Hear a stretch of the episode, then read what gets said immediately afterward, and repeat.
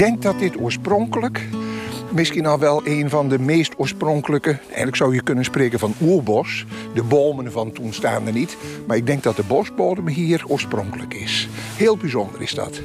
Want Nederland is ongeveer voor 99, en dan heel veel cijfers op de kop gezet, gespit, eh, nou ja, geëgaliseerd vooral. Hè. Ja. Maar hier niet. En dus dit niet. Nee, dit is heel bijzonder. Ja, dit is eigenlijk, eh, als je eens kunt spreken van erfgoed...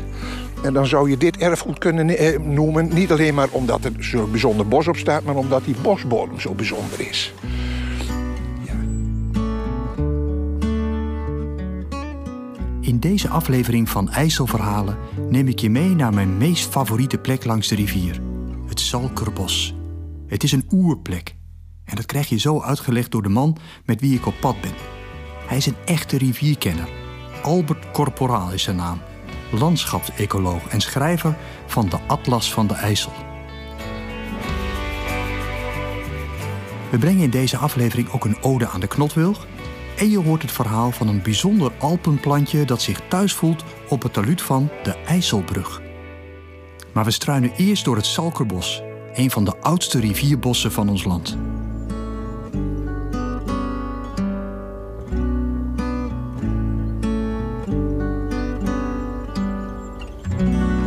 Nou, je kunt wel zeggen dat uh, het Salkenbos is een van de weinige procenten bos in het hele uiterwaardengebied dat we nog hebben in Nederland.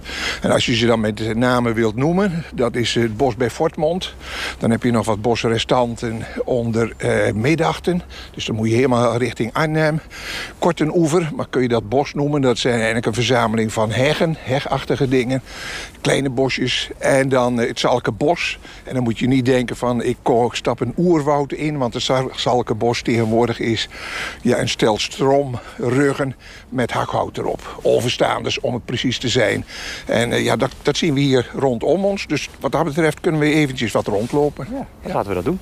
Dat heet Ooibos, zeg je. Waar, waar komt die naam vandaan, Ooibos? Ja, Ooi moet je eigenlijk taalkundig in verband brengen met hoogte. In het Saxisch is, wordt het dan oogte zonder de H of Urgte of Heugte enzovoort. Maar zo heb je ook uh, ooi van ooien. Uh, zoals je dat hebt bij uh, Schiermonnikoog. Noordenaai in Duitsland, dat betekent eigenlijk hoogte, vaak omringd door water. Daar komt het woordje ooi vandaan. Ooipolder, hè, bij Nijmegen, is ook zo'n duiding. Ja. Waren er altijd bossen langs de rivier? Je moet je voorstellen dat eh, toen de Romeinen hier kwamen... laten we zeggen, dat is een beginjaartelling... is wel een tijdje geleden, was één en al bos. Er was geen open plek langs de rivier. Ja, we zeggen hier en daar natuurlijk waar de rivier zelf was. Maar een, een IJssel zoals die er nu is, die, die was er ook niet. Uh, dus je kunt wel zeggen, uh, de ene procent die er nu nog is... was in het begin, Romeinse tijd, 100 procent. Om verschillende redenen hebben we daar een eind aan gemaakt... en daar kunnen we misschien zo meteen eens even wat bij stilstaan. Maar betekent eigenlijk, als je niks doet, dan krijg je automatisch heel veel bos langs de rivier. Ja, laagste plek en eerst, hè, dus de wilgen. En, uh, we hadden daar straks even toevallig over de zwarte populier. Dat soort kolonisten onder de bomen, die doen het heel goed. En uh, ja, geleidelijk aan komen er allerlei andere dingen bij, zoals essen en iepen. Die laatste categorie, die, is natuurlijk, die heeft het heel erg te verduren gehad in Nederland. Maar essen met name. En geleidelijk aan komen er eiken bij. En als je geluk hebt, nog wat andere soorten. Hè dit is mooi. Ja, dit is prachtig. Ja, ja. Wat, kijk, wat zien we hier, Albert? Ja, als, we, we, staan hier voor, uh, dat noemen ze een stoof. Je moet je voorstellen, dit is een, eigenlijk een boom waarvan het alleroudste deel... Uh, en dat ziet er heel knoestig en vol met gaten uit. En op die knoest, zeg maar, er groeien weer jongere bomen... die, nou laten we zeggen, uh, een jaar of tien oud zijn. Maar die stoof is misschien wel 400 jaar oud. Is onvoorstelbaar. Ik geloof dat iemand in eh, Steenwijk heeft er eens naar gekeken... en die kwam op een leeftijd van 700 jaar. Voor zo'n knoest. Onvoorstelbaar. Er is geen boom meer in te herkennen, maar dat zie je. En, en hij is er zo oud geworden omdat hij telkens wordt gesnoeid. Dus die bovenste takken worden er onder zoveel jaar afgehaald. En die onderste, dat onderstel dat blijft, zeg maar. Ja, dat is karakteristiek voor dit bos. Dus in het algemeen ooibossen die groeien door. Dan heb je mooie bomen. Maar dit is een hakhout ooibos. En die essen, in dit geval deze es, die wordt dan één keer in die tien jaar of één keer in de vijf jaar wordt die gekapt, gezaagd. Moet op een bepaalde manier, want anders gaat die inrotten. Die merkwaardige plekken waar je eigenlijk in die boom kijkt, dat is eigenlijk ingerot is ooit in het verleden verkeerd afgesneden. En kijk, als je nu naar een... Oh, dit is wel een mooi voorbeeld. Kijk, dit is mooi scheef. Ja, afgezaagd. Ja. Albert, ik zie, ik zie blauwe druifjes. Zijn er nou authentieke voorjaarsbloeiers of zijn die van het tuincentrum? Nee hoor, uh, het is niet uitgesloten dat hier exemplaren van tuincentra bij staan. Niet geplant, maar die zijn hier met hoogwater, is het zaad hier terechtgekomen. En die, die staan hier al van ouds in dit bos. Uh, en dan van ouds, de eerste zeg maar, mensen die hier rondliepen om die planten te bekijken... dat dateert al uit begin van de vorige eeuw. En die melden al dat hier blauwe druifjes staan. Net als een heleboel andere bolgewassen... die karakteristiek zijn voor die voorjaarsgroei. Maar die zijn dus echt puur natuur blauwe druifjes? Ja, echte wilde blauwe druifjes. Dat ja. zie je niet vaak. Nee, die zijn heel zeldzaam geworden. En dat heeft ook een betekenis. Kijk, al die bolgewassen die luiden voor veel mensen het nieuwe voorjaar in. En wat is er dan mooier om dat nieuwe voorjaar maar naar je tuin te halen? En dan blijkt die bolletjes, die blijken het in je tuin ook nog goed te doen. Nou, één en één is twee. Hè? Schaafstro allemaal. Hè? Als je zo bijna door je knieën zakt en je kijkt die bosbodem over... dan zie je al die lange groene stengels. En dat heet schaafstro. Een buitenstaander zou zeggen, nou ja, goed, heb ik ook in mijn tuin. Nou, zeg maar gerust, mooi niet. En waarom heet die nou schaafstro? Zal ik dat even laten zien? Ja. ja. Je trekt er even een stengeltje af. Het is een soort bamboe, ziet het Ja, eruit. het lijkt wel bamboe, is helemaal hol. Van die zwarte stukken en dit stukje ertussenin. Dat is een lid en dit is een knoop. En als je goed voelt, dan is die min of meer ruw. En daar kun je dus mee schaven of opruwen. Uh, bijvoorbeeld tin kun je weer uh, zo'n mooie zilverachtige kleur geven. Dat duurt dan niet lang, want na een week moet het eigenlijk alweer uh, herhaald worden. Maar daar gebruik je dus schaafstro voor. Ja, je moet het niet tussen je tanden doorhalen, want dan heb je een probleem die dag. Ja, dat is het zo, ja. Het is maar een klein bosje in de Haakse bocht van de IJssel tussen Zwolle en Kampen. Hooguit 1 vierkante kilometer. Maar het is wel een heel bijzonder landschap. Omdat er een glooiing in te zien is waarop bomen staan. Ja, dat is een deel van de kronkelwaarden. Eigenlijk staan we hier in wat ze een kronkelwaard noemen. Dat zijn uh, ongeveer van die hoge zandruggen, net als we dat hier zien. Evenwijdig aan de bocht van de rivier. En de rivier heeft de neiging om er, nou niet elk jaar... maar regelmatig zo'n bocht aan toe te voegen, zo'n bult. Zo'n stroomrug. En het hele mooie van dit landschap is dat ze dit hakhoutbos van ouds op, dit, uh, op, op deze oeverwallen, het is eigenlijk een soort oeverwal, hebben uh, neergezet. Uh, maar het bos zelf is, ik denk eind van de middeleeuwen tot, tot ruim 16, 1700 misschien wel, is het bos veel groter geweest. Maar zo oud is het dus al? Het is al zo oud. Ja, ik denk dat dit oorspronkelijk misschien al wel een van de meest oorspronkelijke... eigenlijk zou je kunnen spreken van oerbos. De bomen van toen staan er niet. Maar ik denk dat de bosbodem hier oorspronkelijk is. Heel bijzonder is dat. Want Nederland is ongeveer voor 99, en dan heel veel cijfers op de kop gezet, gespit, eh, nou ja, geëgaliseerd vooral. Hè. Ja. Maar hier niet. En dus dit niet. Nee, dit is heel bijzonder. Ja, dit is eigenlijk, eh, als je eens kunt spreken van erfgoed... En dan zou je dit erfgoed kunnen eh, noemen. Niet alleen maar omdat er zo'n bijzonder bos op staat... maar omdat die bosbodem zo bijzonder is. IJsselerfgoed, zo zou je het kunnen noemen. Want ook in, in het ontstaan, in de genezen van dit gebied... ja, je kunt je niet voorstellen, als er geen rivier was... was dit bos er niet geweest. Ik zeg niet omgekeerd. De rivier is er dankzij het bos. Nou, er zit wel iets in, want deze merkwaardige bocht die erin zit... is mede te wijten, zou je eigenlijk kunnen zeggen... aan het voorkomen van het bos. Maar dat heeft wat een andere oorsprong. Uh, maar er zit, er zit een bepaald verband tussen. Ja. Maar kijk, in de verte zie je dat groene weer. Dat is allemaal schaafstro. Wat we in het begin ook even Oh zagen. ja, die ondergrond daar. Ja, ja wonderlijk. Ja, ja, ja, prachtig. En ik zie dat de bos is aangeplant. Zie je dat ook? Ja, ja, dat is gewoon tussen geplant. En dat deden ze vroeger. Deden ze dat ook. Uh, want ja, moeder natuur die laat natuurlijk wel eens een gaatje over. En als ze dan zeiden van, oh, er kan nog wel een struike staan. Want dat betekent weer een halve winter uh, hout in de kachel. Hè? Dus uh, er werd niks aan de toeval overlaten. Oké, okay, dus dat hier de mensen weer boompjes heeft geplant. Ik zie daar een eikje staan ook ja, nog. En ja, ja. allerlei soorten, waarschijnlijk inheemse boompjes. Dat is alleen maar goed voor zeg maar, de instandhouding van dit bos. Ja, kijk, want dit is kardinaalsmuts. Kijk, die kun je herkennen met die merkwaardige strepen op zijn... uh, ja, op, op, op, op, op zijn bast. Op de bast, hè. Ja, kardinaalsmuts.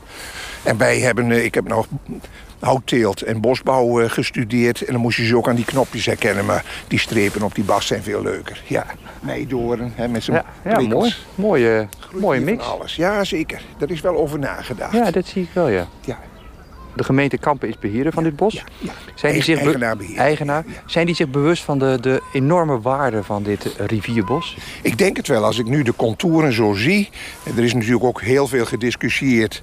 over ja, het bos in relatie tot de rivierruimte voor de rivierprojecten. Er is heel veel kennis over en weer gehaald. En uit die kennis hebben ze ook nou, eindelijk een soort bevestiging. Ja, het Zalkenbos is een heel bijzonder bos, moeten we zuinig op zijn. Want wat ik daar straks ook al zei, dat is een enkel procent en dan heb je het gehad. Dus dat enkele procent, is dit een van de mooiste vertegenwoordigers van. Dus zuinig op zijn. Nog even los van het feit dat dit in erfgoedtermen eigenlijk hyper bijzonder moet zijn. Hè? Ja, oorspronkelijke bosgrond.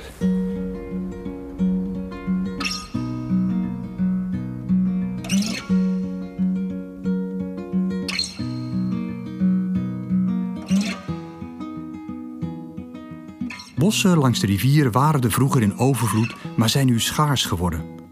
Maar gelukkig zijn er ook nog losstaande bomen. En dan springt vooral de knotwilg in het oog. Beeldend kunstenaar Birte Leemeijer wordt gegrepen door knotwilgen langs de IJssel. En maakt er een kunstproject over voor de IJsselbiennale onder de titel Ontmoetingen bij de Wilg. Toen dacht ik, misschien is dit wel de boom bij uitstek om juist dit jaar uh, aandacht aan te besteden. En misschien zou die boom, die dat dus zo uh, gewend is van ons, dat we hem beperken, uh, de zwijgende derde kunnen zijn bij ontmoetingen. Ik spreek met Beerte af bij een joekel van een oude wilg bij Wilsum. Op een klein zandstrandje aan de rivieroever staat hij. De boom is indrukwekkend van omvang en hoort bij de allerdikste die je ken langs de IJssel. Birte staat bijna sprakeloos als ze deze bijzondere boom ziet. Heel mooi. Ja, dit is, dit is ongelooflijk. Het is um, lastig om, om er woorden voor te vinden voor zo'n indrukwekkende wilg als dit. Ja. Het is een octopus die uh, naar alle kanten uitwaaiert. Met hele lange tentakels ook, die uh, naar alle kanten reiken. Hoe groot zou de diameter zijn van, van die stam, denk jij? Ja, ik heb hem wel eens geprobeerd op te meten. Ik kwam op, uh, ik meen, 7,5 meter. Ja, dat is ongelooflijk. En je ziet ook aan de onderkant, denk je, het zijn er twee. Het zijn drie bomen. Dus eigenlijk begint hij als één en dan wordt twee, drie. En dan wordt het al heel snel, begint hij uit te lopen naar 4, 5, 6, 7, 8, 9, 10, 11, 12. 20 in totaal. 20, 20, stammen bovenop die ene oerstam. Je voelt wel aan deze wilgen dat hij uh, al een heel lang leven achter de rug heeft. En ja, dat is natuurlijk wat oude bomen sowieso oproepen. Dat je je ineens verbonden voelt met een andere tijd. En dat je je afvraagt wat die wilg heeft meegemaakt en heeft gezien. En hoe het hoe hij het voor elkaar heeft gekregen om zo groot en monumentaal te worden. En er zijn veel wilgen geweest waarvan ik zag dat ze een huis waren voor andere planten en bomen en dieren. En het bijzondere van deze wilg is dat hij, het, dat hij zo groot is en zo groot is uitgegroeid dat hij zelfs ook plaats biedt voor mensen. Dus je kunt je ook heel eventjes voorstellen hoe het moet zijn voor een vogel om hier een nest te bouwen. Of ja, je kunt je bijna voorstellen hoe het is om in deze wilg te wonen. Zo groot is hij. Dit is eigenlijk een wilg die niet geknot is. Dus dit is een wilg waar geen mensenhand aan te pas is gekomen. Je hebt ook veel knotwilgen. Dat is de meest bekende wilg, de knotwilg. We zeggen ook wel eens een beetje de Hollandse wilg. Want ja, het is echt, uh, wij, wij Nederlanders houden ervan om onze handen uit te steken in de natuur. Wij denken altijd dat we de natuur een handje moeten helpen. Wat valt je op aan de knotwilgen die jij langs de IJssel hebt gezien? Nou, mijn oog viel op de wilg in het bijzonder, omdat ik, ik was uitgenodigd om een voorstel te doen voor een project langs de IJssel. En ik was aan het nadenken over inderdaad wat jij net beschrijft, onze, onze relatie met de natuur. En de manier waarop we ja, vooral toch de neiging hebben om te denken dat we moeten ingrijpen. En um, in sommige gevallen is dat ook terecht, omdat ik ja, wel al gelezen had hoe dat gaat als je eenmaal begint met het knotten van die wilg. Uh, ja, dat dat eigenlijk betekent dat er een soort van hele directe relatie is tussen de mens en die boom. En dat is een onderwerp wat me ook wel interesseert, omdat die directe relatie, ja, daar kun je allerlei vragen bij stellen. En uh, dat knotten en dat beperken van zo'n boom in zijn groei en het denken dat je dat maar gewoon voor die boom kunt bepalen, dat betekent nogal iets. En zeker in het licht van het feit dat we op dit moment zelf uh, ons uh, beperkt voelen in onze mogelijkheden en in onze groei. Ik ben beeldend kunstenaar en ik was uitgenodigd om een beeld te maken langs de IJssel. Maar ik dacht, er staan natuurlijk ook al heel veel beelden. En op het moment dat je ze isoleert en um, als het ware ja, een podium geeft, kun je dat ook met z'n allen afspreken. Van dit zijn ook sculpturen in het landschap waar we voor moeten zorgen, zoals we kunstwerken hebben in musea zo hebben we ook in het landschap een heleboel monumenten staan die op allerlei manieren iets zeggen over wie wij zijn. Bij Welsum zag ik een prachtig stuk landschap. Dus ik zag uh, geknotte wilgen en delen nog van Meidoornhagen. Uh, toen ik op zoek ging naar van wie dat stuk land was, toen kwam ik in contact met de boer die dat in beheer had hij vertelde dat zijn collega's al vaak tegen hem gezegd hadden van haal die rotzooi toch weg. Het staat alleen maar, het staat alleen maar in de weg. Het kost je alleen maar heel veel werk. En ik keek naar die wilgen echt, uh, nou ik denk dat het wel meer dan twintig wilgen waren die daar bij elkaar stonden. En allemaal heel karakteristiek waren uh, in vorm. En ik zei, dit is de erezaal. Zei ik tegen hem, je hebt de erezaal tot nu toe Dit is de erezaal in het museum van, van de Wilgen. Wilgen als eervolle wakers in het oude cultuurlandschap langs de rivier. Wilgen als kunstwerken langs rivieroevers. Ik ga ze vanaf nu echt door deze bril bekijken als ik een fraaie oude gebogen knotwilg in de uiterwaarden zie staan.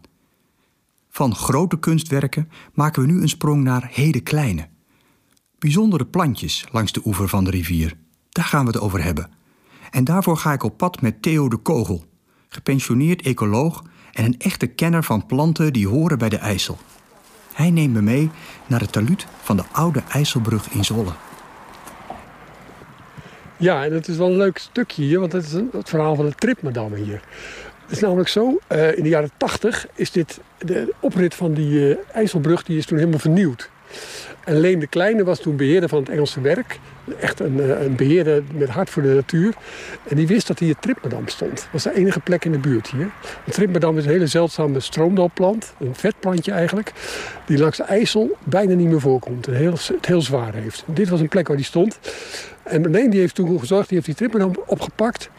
En toen Rijkswaterstaat klaar was, hebben ze een nieuwe steenglooiing aangelegd. Heeft hij die Tripmadam in die steenglooiing gelegd, gezet. Zodat hij weer opnieuw kon groeien. Dat ging goed. Totdat, dat is net om de hoek, kunnen we straks wel even kijken. Totdat op een gegeven moment dat stukje wordt niet meer gemaaid. Want het is de stenen. Er is allemaal struikenopslag gekomen. Bramen en van alles en nog wat. Dus een aantal jaren geleden zei mijn uh, ex-collega Piet Bremen... die zei nou hij is weg daar hoor. Dan ben ik nog eens goed gaan zoeken. En ja hoor, tussen de bramen vond ik nog hele dunne sliertjes strimmerdam... die bijna weg was. maar inmiddels had uh, Rijkswaterstaat hier omdat ze bang zijn dat uh, dit uh, ondermijnd wordt, hebben ze hier een stukje doorgroeistenen. Kijk, dat is hier eigenlijk. Doorgroeistenen aangelegd. Ik dacht, nou, dat is een betere plek voor die trimpendam. Dus heb ik al stukjes opgepakt, hier tussen gestopt en nu doet hij het hier weer goed. Dus hier, hier groeit hij ergens, ja, het plantje? Ja, ja, Wat een prachtige naam trouwens, ja. Tripmadam. Ja, het, het, is, het, schijnt, het komt van uh, Tripe de Madame. Dat is een, Belgische of een Franse naam. En triep, dat is een soort stof, fluwelige stof. Het is een, het is een vetplantje, een beetje zachtig achtig is het. En uh, daar komt die naam vandaan.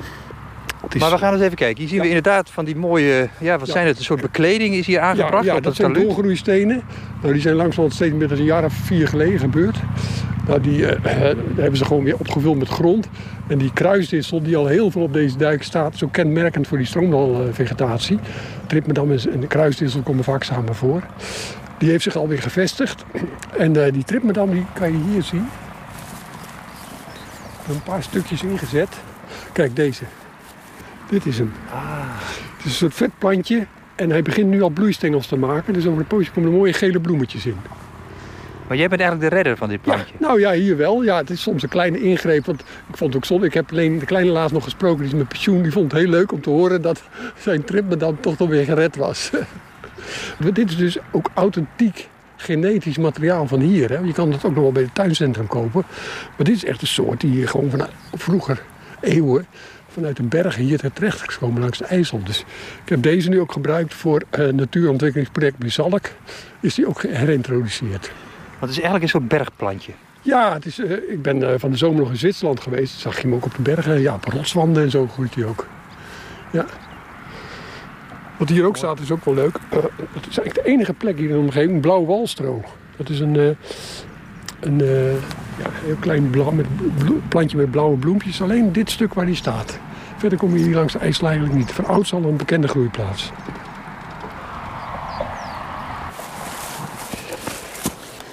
Ja, die staat er nog niet zo verkeerd bij nu. Hij is door die droge zomers weer wat beter gaan doen.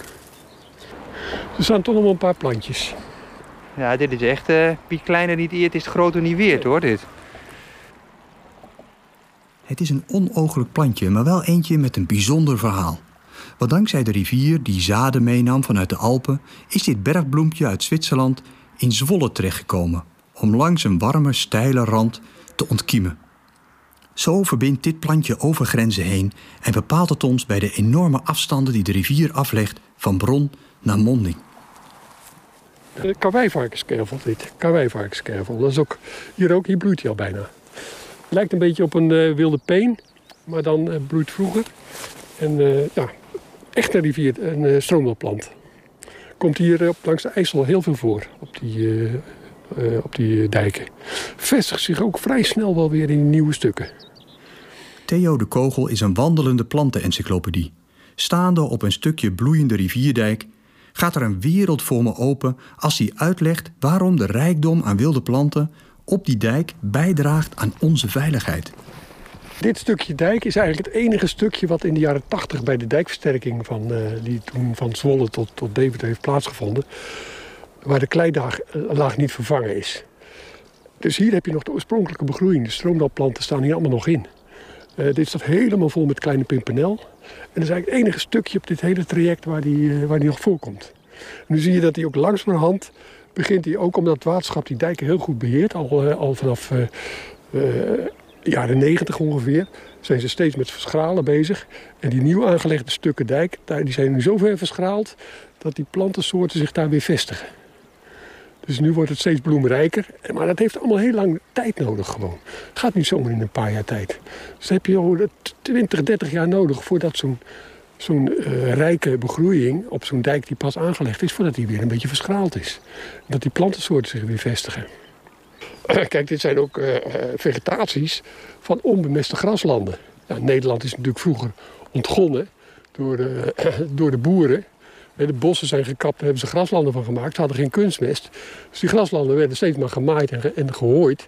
En toen kreeg je al die, die, die kruiden erin. Die kwamen van oorsprong van de bergen af. Die hebben zich in Nederland gevestigd. Wij, wij zijn nu helemaal blij met die kruidrijke graslanden. Uh, die je bijvoorbeeld in Zwitserland, als je daar op vakantie gaat, zie je overal van die kruidrijke graslanden. Nou, dat komt hier ook voor. Maar door de uitvinding van de kunstmest is dat allemaal verdwenen. Is het allemaal Engels raaigras geworden. En die kruiden die kom je nu alleen nog tegen. Of in natuurreservaten, of in bermen. Of op dijken die door zo'n uh, door zo'n uh, waterschap weer natuurlijk beheerd worden. En dit stukje dijk, zeg jij, hè, dus waar we nu staan, dus maar een paar honderd meter, is eigenlijk dus onaangetast gebleven. Ja. En daar zie je nog die oorspronkelijke dijkbegroeiing. Ja, precies, die dijkbegroeiing. Ja, allemaal pimpernel. En er staat ook uh, geel balstro en nog een aantal andere stroomwelplanten die staan hier nog tussen. En die heten stroomdalplanten, omdat dat dan, zeg maar, die, de, de, dat herinnert aan dat die plantjes eigenlijk ook in Zwitserland groeien. En die horen ja. bij het, het, stroomgebied van een rivier. Ja, en die zijn eigenlijk uh, vanuit, uh, met de rivier meegenomen als zaadjes. En die zijn dan bij hoogwater werden die afgezet in de omgeving. En die zie je dan uh, in de omgeving van die rivieren zich vooral zich ontwikkelen. En vooral, dit zijn planten van wat drogere, schrale omstandigheden. Dus op rivierduintjes kwamen ze in de uiterwaarden eigenlijk het meest voor vroeger. Rivierduintjes. En toen mensen dijken gingen aanleggen, toen dachten die plantjes, hé, hey, dat is ook een soort duintje, dus we gaan daar maar op staan. Nou, het logisch natuurlijk, net zo goed als een mus. Die komt oorsprong uit, de, uit, de, uit, de, uit de rotswanden. En toen wij hier rotswanden gingen, dat noemen we huizen, gingen ze daar eh, nestelen natuurlijk. De gierzwaluw idem dietem. En dat is met die stroomlopplanten ook zo. Die zijn op die dijken gaan groeien, omdat die, vooral als ze een beetje zandig zijn, lijken ze op een rivierduintje. En het bijzondere is eigenlijk dat in de uiterwaarden zelf die stroomlopplanten heel zeldzaam voorkomen. Het zijn wel Natuur 2000 gebieden hier in de uiterwaarden. Maar die dijken, veel van die stukken dijken hier zijn, uh, komen meer stroomlopplanten voor dan in de Natuur 2000 gebieden. Ja, dat is wel heel grappig. En nu langzamerhand, omdat die uiterwaarden steeds meer natuur worden. Je hebt het in die podcast die je gemaakt hebt, heb je dat wel aangegeven. Hoeveel natuur er wel niet in de uiterwaarden komt. Dat is vanaf de jaren 80 uh, eigenlijk aan de hand. Zie je dat het ook langzamerhand weer een beetje beter wordt. Maar het gaat allemaal niet zo heel snel. En vooral dit soort plantjes hebben, hebben meer tijd nodig dan een gemiddeld beest dat terugkomt. Ja, ja, de, ja, ja. je kan ze wel helpen. Je kan wel... Uh, wat, wat bijvoorbeeld erg helpt, en dat zijn we nu ook met een discussie met waterschap bezig. Als je nou een nieuwe dijk aanlegt, dat is bijvoorbeeld die dijk bij Westerholte, vind ik een heel mooi voorbeeld. Daar hebben ze een nieuwe dijk verlegd. Dat hebben ze helemaal verkeerd gedaan. Wat ze daar gedaan hebben, is hele zware klei op die dijk aanleggen. Dat is niet geschikt voor die stroomlopplanten. Wat ze hadden moeten doen, is wat lichte klei, dus lichte zavel aanbrengen. En dan bijvoorbeeld maaisel van dit. Dit moeten ze maaien elk jaar. Als ze dat maaien, er zit allemaal zaad in. Als je dat dan uitstrooit op zo'n dijk, heb je heel snel die planten weer terug. Maar daar hebben ze een of ander standaard grasmengsel ingezaaid. Voordat die planten er vanzelf komen, duurt dat weer heel lang. Maar je hebt altijd de discussie met het waterschap. Die wil dat zo'n dijk stevig is. Dus uh, die kijkt vooral naar de onderlaag, de kleilaag die eronder ligt. En die let minder op de begroeiing, heb ik altijd de. Ja, maar dat is dus, vind ik, een misvatting. En we hebben daar vanuit KNV en IVN ook tegen het waterschap ook nog weer eens gezegd... in de reactie op, uh, op die dijkversterkingsplannen.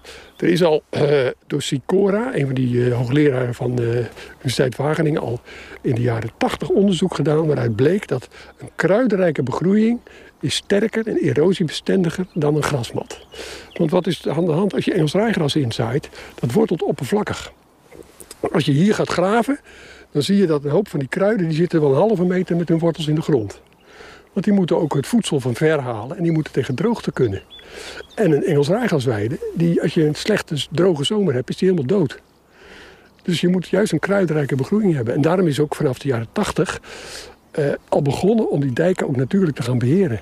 Zachte haven bloeit nu, dat is ook zo'n wat zeldzaam grassoortje. Uh, straks gaat trilgras of bevertjes ook bloeien. Dan heb je hier ook nog een paar plekjes die hier, hier voorkomt. Bloeiende rivierdijken met wilde bloemen. Het is een ideaal beeld waar gelukkig in onze tijd steeds meer aandacht voor is. En dan ligt vaak het waterschap, beheerder van de rivierdijken, onder vuur zodra ze met maaimachines de dijk kaal laten maken. Want ja, dat zou slecht zijn voor insecten. Nou, Theo Kogel die denkt daar heel anders over. Hij legt uit dat er niks mis is met het maaien van dijken. Het waterschap die maait ongeveer eind mei. Rond begin, eind mei, begin juni. Om een goede grasmat te hebben. Dat is ook wel goed. Dan wordt vaak dit, terwijl het nog in bloei staat, gemaaid. Maar dat is ook niet erg. Want het voordeel is, het gaat daar, dan krijg je ook een tweede bloei. Dus dan zie je dat, uh, dat zeg maar in augustus, dat het weer opnieuw allemaal in bloei staat. Want veel van die planten, zoals knoopkrui bijvoorbeeld ook, als je die nu afmaait, terwijl die nog niet uitgebloeid is, komt die gewoon weer opnieuw. Want er is veel, veel kritiek op hè, van mensen die vinden dat het te vroeg gemaaid wordt, want ja, het ziet er nog zo mooi uit. Daar ben ik het absoluut niet mee eens. Daar ben ik het niet mee eens. Nee. Want het is namelijk zo, kijk, dat is oud boerenbeheer dit. Boeren gingen vroeger niet uh, hun gras maaien als ze dachten, nou, oh, die magriet is nog geen zaad gevormd, dus ik ga mijn gras nog niet maaien. Nee, die gingen gras maaien als het gras goed was om voor de koeien. En ga maar eens in Zwitserland op vakantie. Dit vind ik al, ik ben vaak in Zwitserland. Dan wordt in de volle bloei worden al die bloemenweiders gemaaid. En dat, dat is juist de reden waarom ze er nog zijn. Die, dat is helemaal niet erg als je maar randjes laat staan. Dat, dat, vind ik wel een hele goede ontwikkeling nu. Dat ze ook zeggen, nou, als je dit nou maait, laat dan ergens een randje staan... waar dan toch nog wat zaad uh, geproduceerd kan worden... en waar die bijen nog een plek kunnen vinden. Maar je moet wel vroeg maaien. Als je te laat maait, dan krijg je geen uh, goede vegetatie. Ik denk ook, die, want die graslanden hier, dat is allemaal natuurgebied... die zijn veel minder bloeien, bloemrijk vaak dan die dijk. Dat komt omdat zo'n waterschap heel goed beheer doet. Gelukkig is dat dan een combinatie met... Uh, want anders zijn ze bang dat het niet sterk genoeg is. Nou, dan hebben ze al een punt mee. Dus ik ben heel blij met het beheer van het waterschap, eerlijk gezegd. En ze moeten zich niet aantrekken van al die bijenmensen zoveel. Bloemen, bijen en bomen langs de rivier. Daar gaat het over in deze aflevering van IJsselverhalen.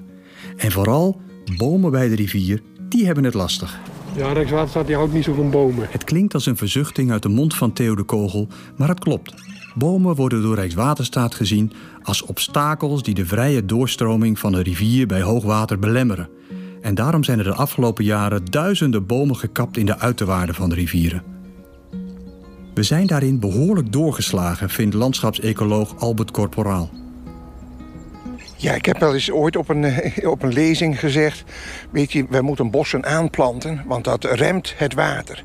Ja, zal in mijn ogen een kniezoor zeggen... ja, maar dan stuwt het het water ook op. Ja, maar het remt het ook. Dus het is maar net vanuit welke kant je het bekijkt. Benedenstrooms geeft het veiligheid, bovenstrooms misschien risico. Al verder denkend eh, dacht ik zo van, is het misschien wel goed om een heel groot deel van Beieren bijvoorbeeld te gaan bebossen? Hebben wij in Nederland gemak van. Zeg maar de, de analogie die daarin zit. Bos in plaats van dijken, dat is eigenlijk veel beter. Dijken die gebruik je om je te weren, om water te keren, logisch. Ja, als het nou één keer zo is en het is bosarm geworden... maar aan de andere kant kun je ook zeggen... stel we gaan er 10% meer bos bij doen... kunnen we de dijken misschien wel 10% verlagen.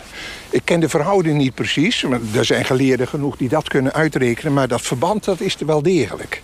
Maar nu ligt alle accent op bos uh, zorgt voor het blokkeren van het water. Ja, en dat is eigenlijk een verkeerde op de plek zelf kun je zeggen. Ja, daar heb je gelijk in. Maar bekijk het in een hele landschap. Ik noem dat de spongiteit, hè, de sponswerking om het water vast te houden. En ik heb daarbij de Overijsselse vecht als voorbeeld genoemd. Dan zouden we die spongiteit, die sponswerking moeten verhogen. En heel effectief op dat vlak is aanleg van bos. Misschien niet overal hele grote bosoppervlakten, maar bijvoorbeeld bosranden. Of eh, kleinere bosjes, maar dan verdeeld. En niet uh, zo van 10 hectare, nee, 10 procent. Of misschien 15 procent van het cultuurlandoppervlak. Ik denk dat we daar in Nederland, want die positie die hebben we nou één keer... we liggen laag, onder in de delta, hebben wij daar gemak van. Dus misschien is het zelfs wel verstandig om vanuit Nederland in het buitenland in bos te gaan investeren. Dat is, nou, kijk, je moet het af en toe, ik noem het maar een beetje omdenken. Hè? Maar nog even over die ooibossen in Nederland. Hè? Dus wat je ziet is, er zijn de afgelopen jaren met stroomlijnen en zo, dat soort projecten, zijn best veel bossen verdwenen. omdat de Rijkswaterstaat zegt van ja, nee, ze staan in de weg. Eh, niet handig, dus natuur oké, maar niet op deze manier. Is dat dan een groot verlies? Ja, dat is een enorm verlies. Eh, daarnet hebben we en passant al een paar plantensoorten genoemd. Maar als je kijkt naar de biodiversiteit, dus niet alleen naar de planten... maar ook naar de dieren, naar de trekvogels... naar allerlei gekke slakken, die komen juist voor in dit soort typen bos. En zonder dat we het weten, als we zeggen... nou ja, ach, moet je eens kijken, hoe groot is dit Zalkenbos? Nou, uh, al met al aan bos, 40 hectare, ik noem maar even wat. Nou ja, wat is nou 40 hectare? Nou, als we dat nou weghalen, maar wat schiet je daarmee op... als je misschien wel hier ter plekke het overgrote deel van de biodiversiteit ermee om zeep helpt. En daar moeten we denk ik ook oog voor hebben. Dat die bijzonderheid gaat gepaard met bijzonderheid in termen van biodiversiteit. Heel veel van die bijzondere planten van dijken... die zaten al van nature in de randen van dit soort bossen. En die hebben gewoon het stapje gemaakt van... nou ja, die bossen, ja, ja, ja, nou... Nou maak ik het maar een beetje menselijk, hè, maar die zijn dus naar de dijken gegaan. En dus er is wel een soort genetisch, of een, ja, een soort genezen relatie tussen dijken en bossen. Planten die naar de dijk vluchten omdat bossen met rivierduinen zijn verdwenen. Zo had ik nog niet eerder naar uiterwaarden gekeken. Gelukkig zijn er nog mooie ooibossen over. Ik ben groot liefhebber en fan van dit soort bos. Ik zou er nog graag eens een boek over schrijven. Het is zulke spontane oernatuur waar geen mensenhand aan te pas komt. En daarom laat ik je tot slot van deze aflevering van IJsselverhalen graag even meegenieten van één minuutje ooibos in de ochtend.